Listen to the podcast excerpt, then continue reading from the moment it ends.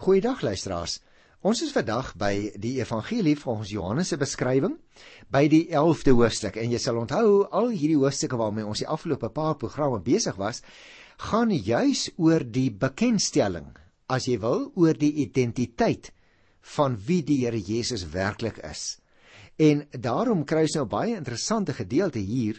Die opskrif daarvan is die dood van Lazarus. Nou die berig aangaande die opwekking van Lazarus neem eintlik 'n baie belangrike plek in in die opbou van die hele evangelie van Johannes. In die voorafgaande reeks gesprekke wat ons nou behandel het met die Jode, het die Here Jesus sy eenheid met die Vader bekend gemaak. En op grond daarvan is hy van God se lastering beskuldig en wou hulle hom arresteer. Nou is alles gereed vir die begin van die lydensverhaal, maar eers eers volg daar die baie dramatiese berig oor die opwekking van Lazarus tussen die opwekking van Lazarus en die van Jesus wat ons gaan teekom in hoofstuk 20 word die lydensgebeure ingepas waarby ons nou gaan kom. Die Lazarus gebeure wys in 'n sekere sin verduidelikend vooruit. daarmee bedoel ek om te sê hierdie gebeure toe Lazarus uit die dood opgewek is, is in 'n sekere sin die voorspel wat met Here Jesus gaan gebeur kort hierna. Maar dit het niemand natuurlik op hierdie stadium besef nie. Kom ons kyk na hierdie baie belangrike gedeelte. Ek lees by Johannes 11 vers 1. 'n Man met die naam Lazarus was siek. Hy was van Betanië, die dorp waar Maria en haar suster Martha gewoon het. Nou die siek Lazarus, ek wil tussen hakies ook sê mens kan dit uh ook in 'n verkorte vorm kry in sommige geskrifte en mense van daardie tyd het miskien ook Eleazar uh vir hom aangespreek en dit is natuurlik dieselfde naam as Lazarus. Hy woon net so 3 km na die ooste kant van Jerusalem in die klein dorpie Betanië. Ek wonder of jy geweet het luisteraar, Betanië beteken in die Hebreëse taal huis van groen vye. Dit is natuurlik die plek waar die Here Jesus gewoonlik gaan oornag het as hy daar in Jerusalem tuis was. Jy kan maar gaan kyk daar in Markus 11 vers 11 kry mense dit ook en ook in Markus uh, 14 uh, as ek reg onthou by die 3de vers. Lazarus se susters is ook daarby. Maria met die dieper geestelike belangstelling en Martha, die oudste suster. Nou luister wat gebeur in vers 2. Maria was die vrou wat met reukolie die Here gesalf en sy voete met haar hare afgedroog het. Dit was haar broer Lazarus wat siek was. Nou hierdie tweede vers vertel vir ons Maria se offerdaad teenoor die Here Jesus wat ons eers in hoofstuk 12 van teekom was skynbaar alom bekend in die vroeë kerk. En daarom pas Johannes dit nou hier in. Onthou nou, hy kyk terug in die geskiedenis en daarom plaas hy nou eers hierdie gebeure en later gaan hy kom hoe dat by die verhaal hoe dat Maria die groot offerdaad aan die Here Jesus gedoen het. Maar ons gaan daarby kom. Dan lees ons by die 3de vers. Die susters het iemand na Johannes toe gestuur om te sê: "Here, hy vir wie u lief is, is siek." Nou dis interessant, want uh, jy sien Maria en Martha het hulle na die Here Jesus gewend toe Lazarus siek geword het. Hulle het geglo dat hy hulle kan help, omdat hulle hom van hierdie wondertekens wat hy al gedoen het, uh sien doen het. Maria het immers sy voete gesalf dit is waarna ek nou nou verwys het, maar ek sal daaroor liewer praat as ons by die 12de hoofstuk kom. Die susters het die Here Jesus nie ontbied nie, maar net laat weet. Het jy dit opgemerk in die teks? Hulle het net laat weet hy uh vir wie u baie lief is, is siek. Nou praat hulle natuurlik oor hulle broer Lazarus. Omdat Jesus se lewe in gevaar was in die omgewing van Jerusalem. Met ander woorde, hulle wil nie vir hom sê u moet hiernatoe kom nie, want hulle het geweet sy eie lewe, Jesus se eie lewe is in gevaar. Ons het dan in die vorige hoofstuk gelees hoe dat die Jode hom wou stenig en daarna wou hulle hom gevange neem. Deur Here Jesus se posisie van gevaar word dus in ag geneem deur hierdie twee dames. Nou tussen Jesus en die familie het daar natuurlik 'n innige verband bestaan want jy sal onthou dat die Here Jesus van tevore by hulle oorgeslaap het. Hulle laat weet hom nou van die siekte van uh, Lazarus met die bedoeling: "Ag Here, uh, al is dit op 'n afstand, kan U nie net asseblief vir ons help nie, want Lazarus is siek." Nou luister na vers 4. Toe Jesus dit hoor, het hy gesê: Hierdie siekte sal nie op die dood uitloop nie, maar op die openbaring van die wonderbaarlike krag van God, sodat die seun van God daardeur verheerlik kan word. Met ander woorde luisteraar, jy merk dadelik op ook dit wat nou gaan plaasvind, naamlik die opwekking van Lazarus is 'n wonderteken. Dit gaan nie in die eerste plek net ook oor Lazarus nie, maar dit gaan daaroor dat die Here Jesus deur die opwekking van hierdie man sy mag sal laat blyk dat hy werklik die identiteit het na wie hulle soek. Hy is die Christus. Die Here Jesus val my nou op. Hy's nie oorhaastig om te kom nie, want hy sien in al die gebeure nog 'n geleentheid om die mag en die heerlikheid van God deur sy seun sigbaar bekend te maak. Dit is waarom hy daardie woorde gesê het, daar in vers 4 wat ek gelees het. Dit gaan dus oor die heerlikheid van die Vader en die Seun. Die Lazarus verhaal luisteraars het juis die funksie om die leser voor te berei vir Jesus se eie opstanding.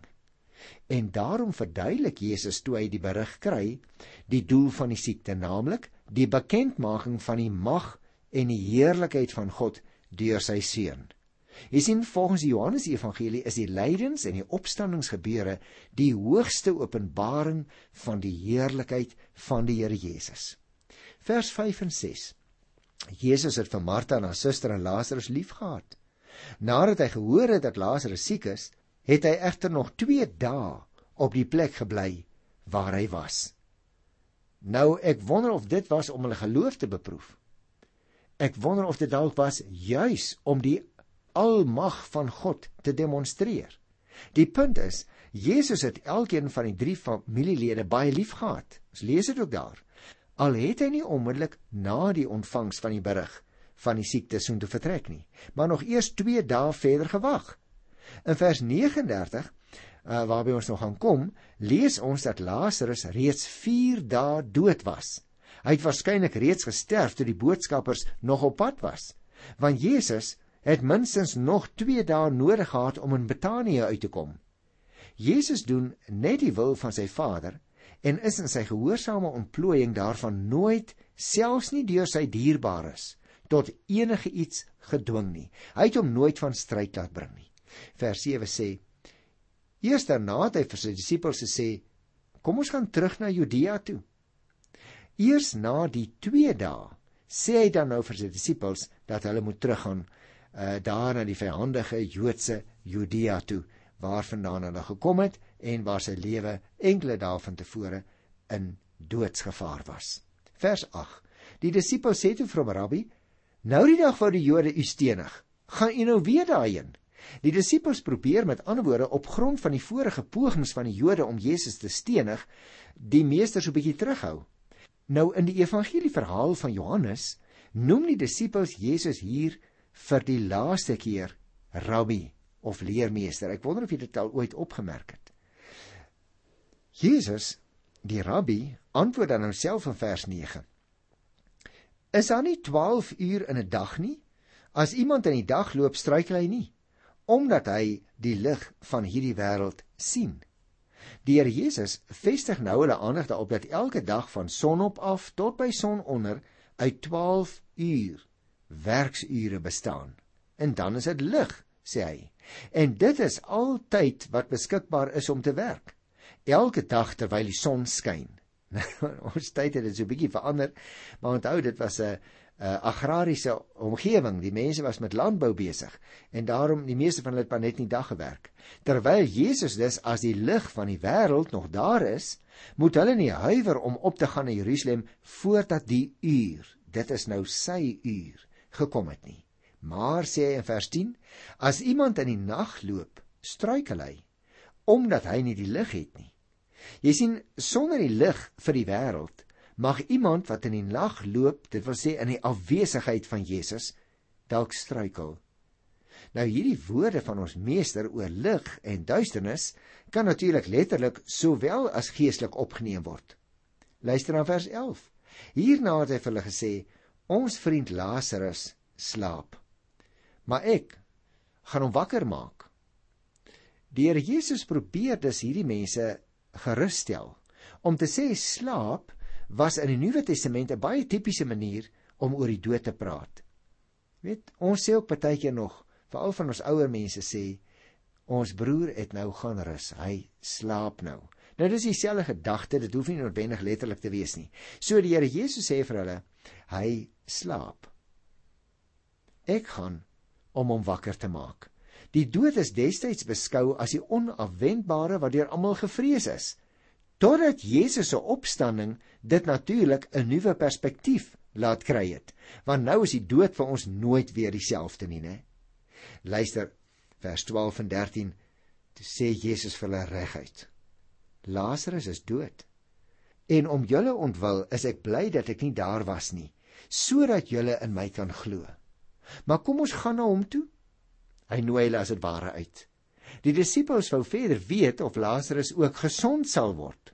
Luister na vers 12. Hulle sê vir hom: "Here, as hy slaap, sal hy gesond word."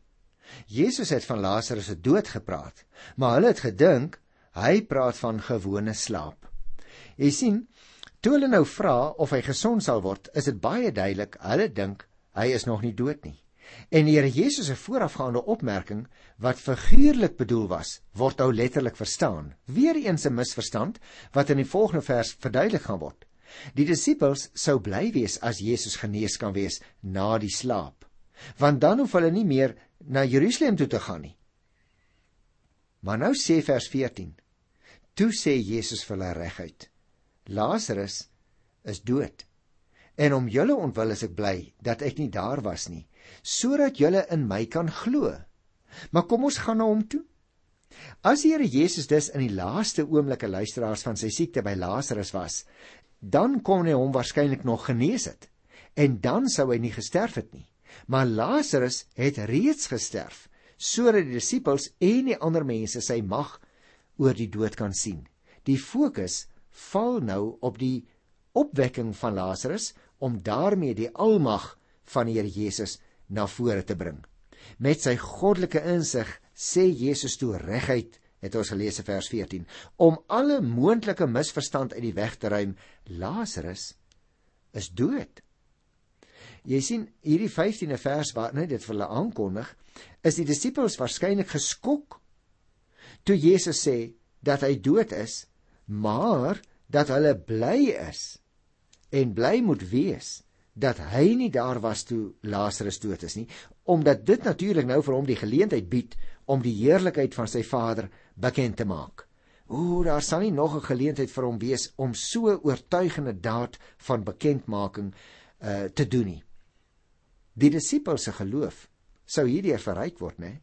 Want dit was 'n geweldige wonderteken om iemand uit die dood op te wek. Daarom interessant word hier spesifiek vermeld in vers 16. Thomas, wat ook Didimus genoem is, sê toe vir die ander disippels: "Kom ons gaan ook sodat ons saam met hom kan sterwe." Nou interessant luisteraars, die disippels het natuurlik baie goed besef hoe gevaarlik dit was om saam met Jesus Jerusalem toe te gaan. En hulle het probeer om hom om te praat om tog nie te gaan nie maar hy wou nie na hulle luister nie. En daarom was hulle bereid om saam met hom te gaan en selfs saam met hom te sterwe. Moontlik het hulle nie verstaan waarom hy moes sterf nie, maar hulle was nogtans lojaal. 'n Mens is nie altyd vooraf bewus van die gevare waarin daar verskuil mag wees as jy God se werk onverskrokke doen nie. En hierdie mense het ook nie die gevare besef nie. Daarom is dit vir elke disipel van die Here Jesus goed om die koste baie goed te bereken want dit is nie altyd maklik om die Here te volg nie. Ek dink jy sal ook daarvan getuig nie waar nie. En daarom wil ek nog 'n slag hierdie teksie lees, nê, in vers 16. Thomas wat ook Didymus genoem word. Thomas tussen hakies, uh, luisteraars, is eintlik 'n Griekse naam en Didymus lees ons nou, hy's ook Didymus genoem. Didymus beteken tweeling. So miskien kan ons die afleiding daaruit maak dat hy een was van 'n tweeling. Maar ons moet ook onthou hy word soms ook in die Bybel geteken as 'n twyfelaar, né? Onthou maar daar in Johannes uh, 14 kort uh, voordat die Here Jesus sy beroemde uitspraak maak, ek is die weg en die waarheid en die lewe, sê Thomas in die 5de vers: Here, hoe kan ons die weg terug ken na u toe na die Vaderhuis. Ons weet nie waar dit is nie. So ons onthou hom gewoonlik as 'n ou twyfelaar, maar dit lyk vir my uh dat hy ook uh baie wonderlik lojaal was, want dit is hy wat sê: "Kom ons gaan ook sodat ons saam met hom kan sterwe." Dit is hierdie Thomas wat die leiding neem, wat sy mededisippels aanspoor om ook te gaan sodat hulle liewer saam met Jesus kan sterwe as om sonder hom te sterwe. En dit luisteraars is wat dit sou beteken om nou terug Jerusalem toe te gaan. Al die gebeure word so vertel om juis vir ons te beklemtoon as lesers dat die Here Jesus sy Vader se werke doen, ook om die uiterste te vermag, naamlik om 'n dooie op te wek. En dan kom ons nou hier by daardie verhaal van die 17de vers af. Toe Jesus daar kom, het hy gevind dat Lazarus al 4 dae in die graf was. Jy let op, luisteraar, Lazarus was nie net dood nie. Hy was al 4 dae lank begrawe. Toe Jesus in Betanië aankom, was dit dus vir daardie mense 'n groot krisis. Volgens die Joodse geloof het die gees die liggaam na 3 dae verlaat, waarna ontbinding ingetree het. Lazarus was dus werklik fisiek onherroepelik dood. Vers 18. Betanië was naby Jerusalem omtrent 3 km. Nou ek het al vir jou vertel van Betanië. Ehm um, en dit was dus vir baie van die Jode moontlik om uh, te kom simpatiseer al het hulle in Jerusalem gewoon. So naby dat Jesus nou al eintlik in Jerusalem aangekom het daar van Judea waar hy nou vandaan kom, né? En nou kom hy hier vir die slotdrama. En hy kan verwag daar's ook ander mense daar rond want hy het van ver gekom. Vers 19 sê baie van die Jode het na Martha en Maria toe gekom om hulle te troos oor hulle broer. Nou ja, vriende, familie het van Jerusalem af gekom, dit was net om die draai om 'n tyd lank by die susters te kom bly en hulle te vertroos en by te staan. Gedurende die eerste 3 dae na die dood het die vertroosters saam gehuil. Daarna daar ongeveer 'n week verloop van ernstige roubeklag en die res van die routyd wat tussen hakies tot 30 dae kon duur, was dan gewone rou. So baie van die mense is nou daar en ander begin nog aankom want die rouperiode breek eintlik nou maar eers aan. Vers 20 sê toe Maria hoor dat Jesus kom het sy hom tegemoet gegaan. Maar Maria het in die huis bly sit. Die gasvrou Martha het van belangstelling is verneem waarskynlik dat die Here Jesus op pad is en sy het hom tegemoet gegaan. Waarskynlik om 'n paar persoonlike woorde met hom te wissel waar die ander klomp mense wat gekom het vir die rou nou nie teenwoordig was nie. Ons teks sê Maria het tuis bly sit. Nou dit was die gebruikelike posisie waar 'n roubeklaar 'n vertrooster ingewag het. In sommige gemeenskappe is dit in ons tyd vandag nog so. Vers 21. Martha sê toe vir Jesus: "Here, as U hier was, sou my broer nie gesterf het nie." Martha se groet is eintlik 'n geloofsgroet. En tog lyk dit vir my lê daar so klein stukkie verwyd ook daarin, hè?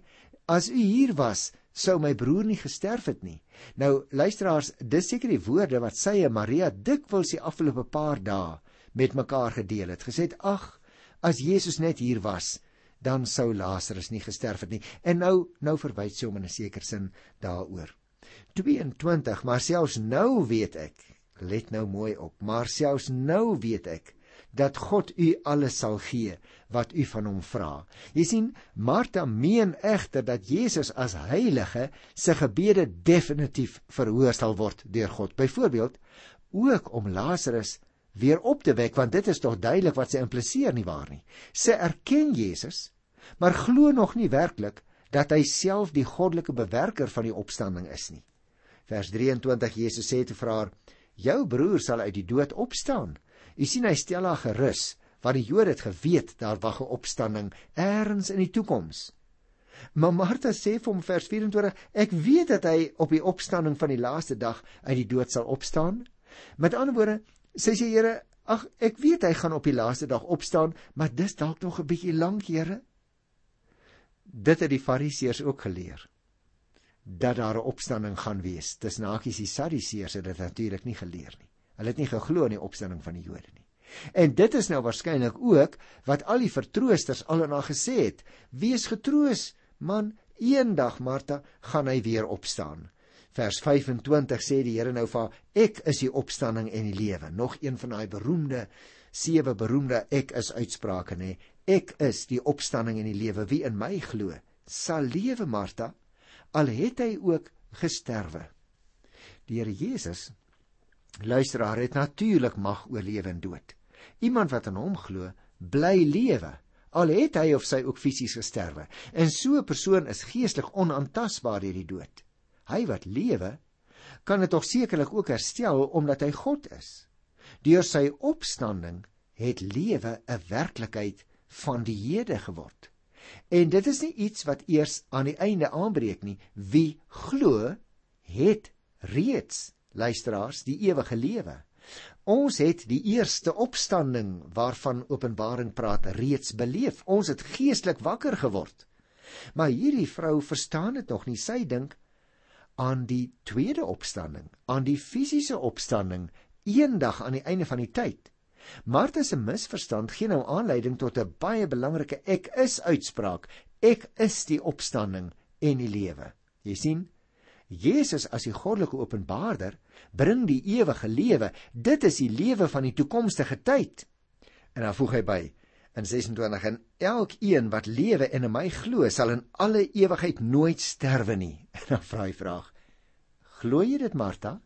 Jy sien luisteraar teenoor die Fariseërs wat die opstanding aan die einde verkondig. Kom sê Jesus nou ook dat deur hom die opstanding en die lewe in die hede ervaar kan word en nie deur die dood vernietig kan word nie. Lewe bly dus gebonde aan Jesus Christus deur die geloof. Elkeen, Martha, wat glo in my, betree die ewige lewe en sal geestelik in alle ewigheid nooit sterwe nie. Vers 27. Ja, Here sê sy vir hom, ek glo vas dat U die Christus is, die seun van God, die een wat na die wêreld toe moes kom. Martha is natuurlik daarvoor bekend dat sy altyd te besig was om stil te sit en met die Here Jesus te gesels. Ons het dit al gedoen by Lukas 10 na by die 38ste vers, nê? Maar hier sien ons nou hoe diep haar geloof werklik was. Sy sê onomwonde, ek glo. Met ander woorde, sy bely Jesus as die Messias, die seun van God, as die gestuurde van die Vader. Martha gee vervolgens 'n baie belangrike belydenis oor die Here Jesus, iets wat nie altyd met haar geassosieer word nie, né? Sover as wat sy kan, aanvaar sy alles wat die Here Jesus sê en sy plaas onmiddellik haar volle vertroue in hom. Ek glo, sê sy. Sy erken Jesus as die gekose, gesalfde Messias, Hy is die seun van God. Hy is ook die profeet wat in die wêreld toe sou kom om God aan die mense bekend te maak. In een asem 'n belangrike stuk getuienis oor die Here Jesus uit haar mond. 28 sê nadat sy dit gesê het, het sy haar suster Martha gaan roep en saggies vir haar gesê: "Ons leermeester is hier. Hy roep jou." En toe sy dit hoor, het sy gou opgestaan na hom toe gegaan. Jesus het nog nie in die dorp aangekom nie, maar was nog op die plek waar Martha hom ontmoet het. Toe die Jode wat by Maria in die huis was na vertroos het sien dat sy vinnig opstaan en uitgaan, het hulle agter haar aangegaan omdat hulle gedink het sy gaan na die graf toe om daar te huil. Toe Maria daar aankom waar Jesus was en hom sien, het sy by sy voete gekniel en vir hom gesê: "Here, as u hier was, sou my broer nie gesterwe het nie." Jy sien die hele Joodse familie en vriende het in hierdie geval gedink dat Maria op pad is om by die graf te gaan huil. Toe sy saam met Maria die huis verlaat. Die Jode volg haar nou na die graf toe. En vers 32 sê: Here, as u hier was, sou my broer nie gesterf het nie. Sy herhaal as dit ware nou haar suster Martha se woorde om te sê hy sou nie gesterf het nie. Sy plaas al die klem op Here Jesus, die lewe. Dis wat hy kan gee en dit glo hulle. Luisteraars, op hierdie punt van afwagting hou ek dan vandag op. Ek glo die Here gaan jou wonderlik seën en dat jy met verwagting gaan uitkyk na ons volgende program. In die naam van die koning. Totsiens.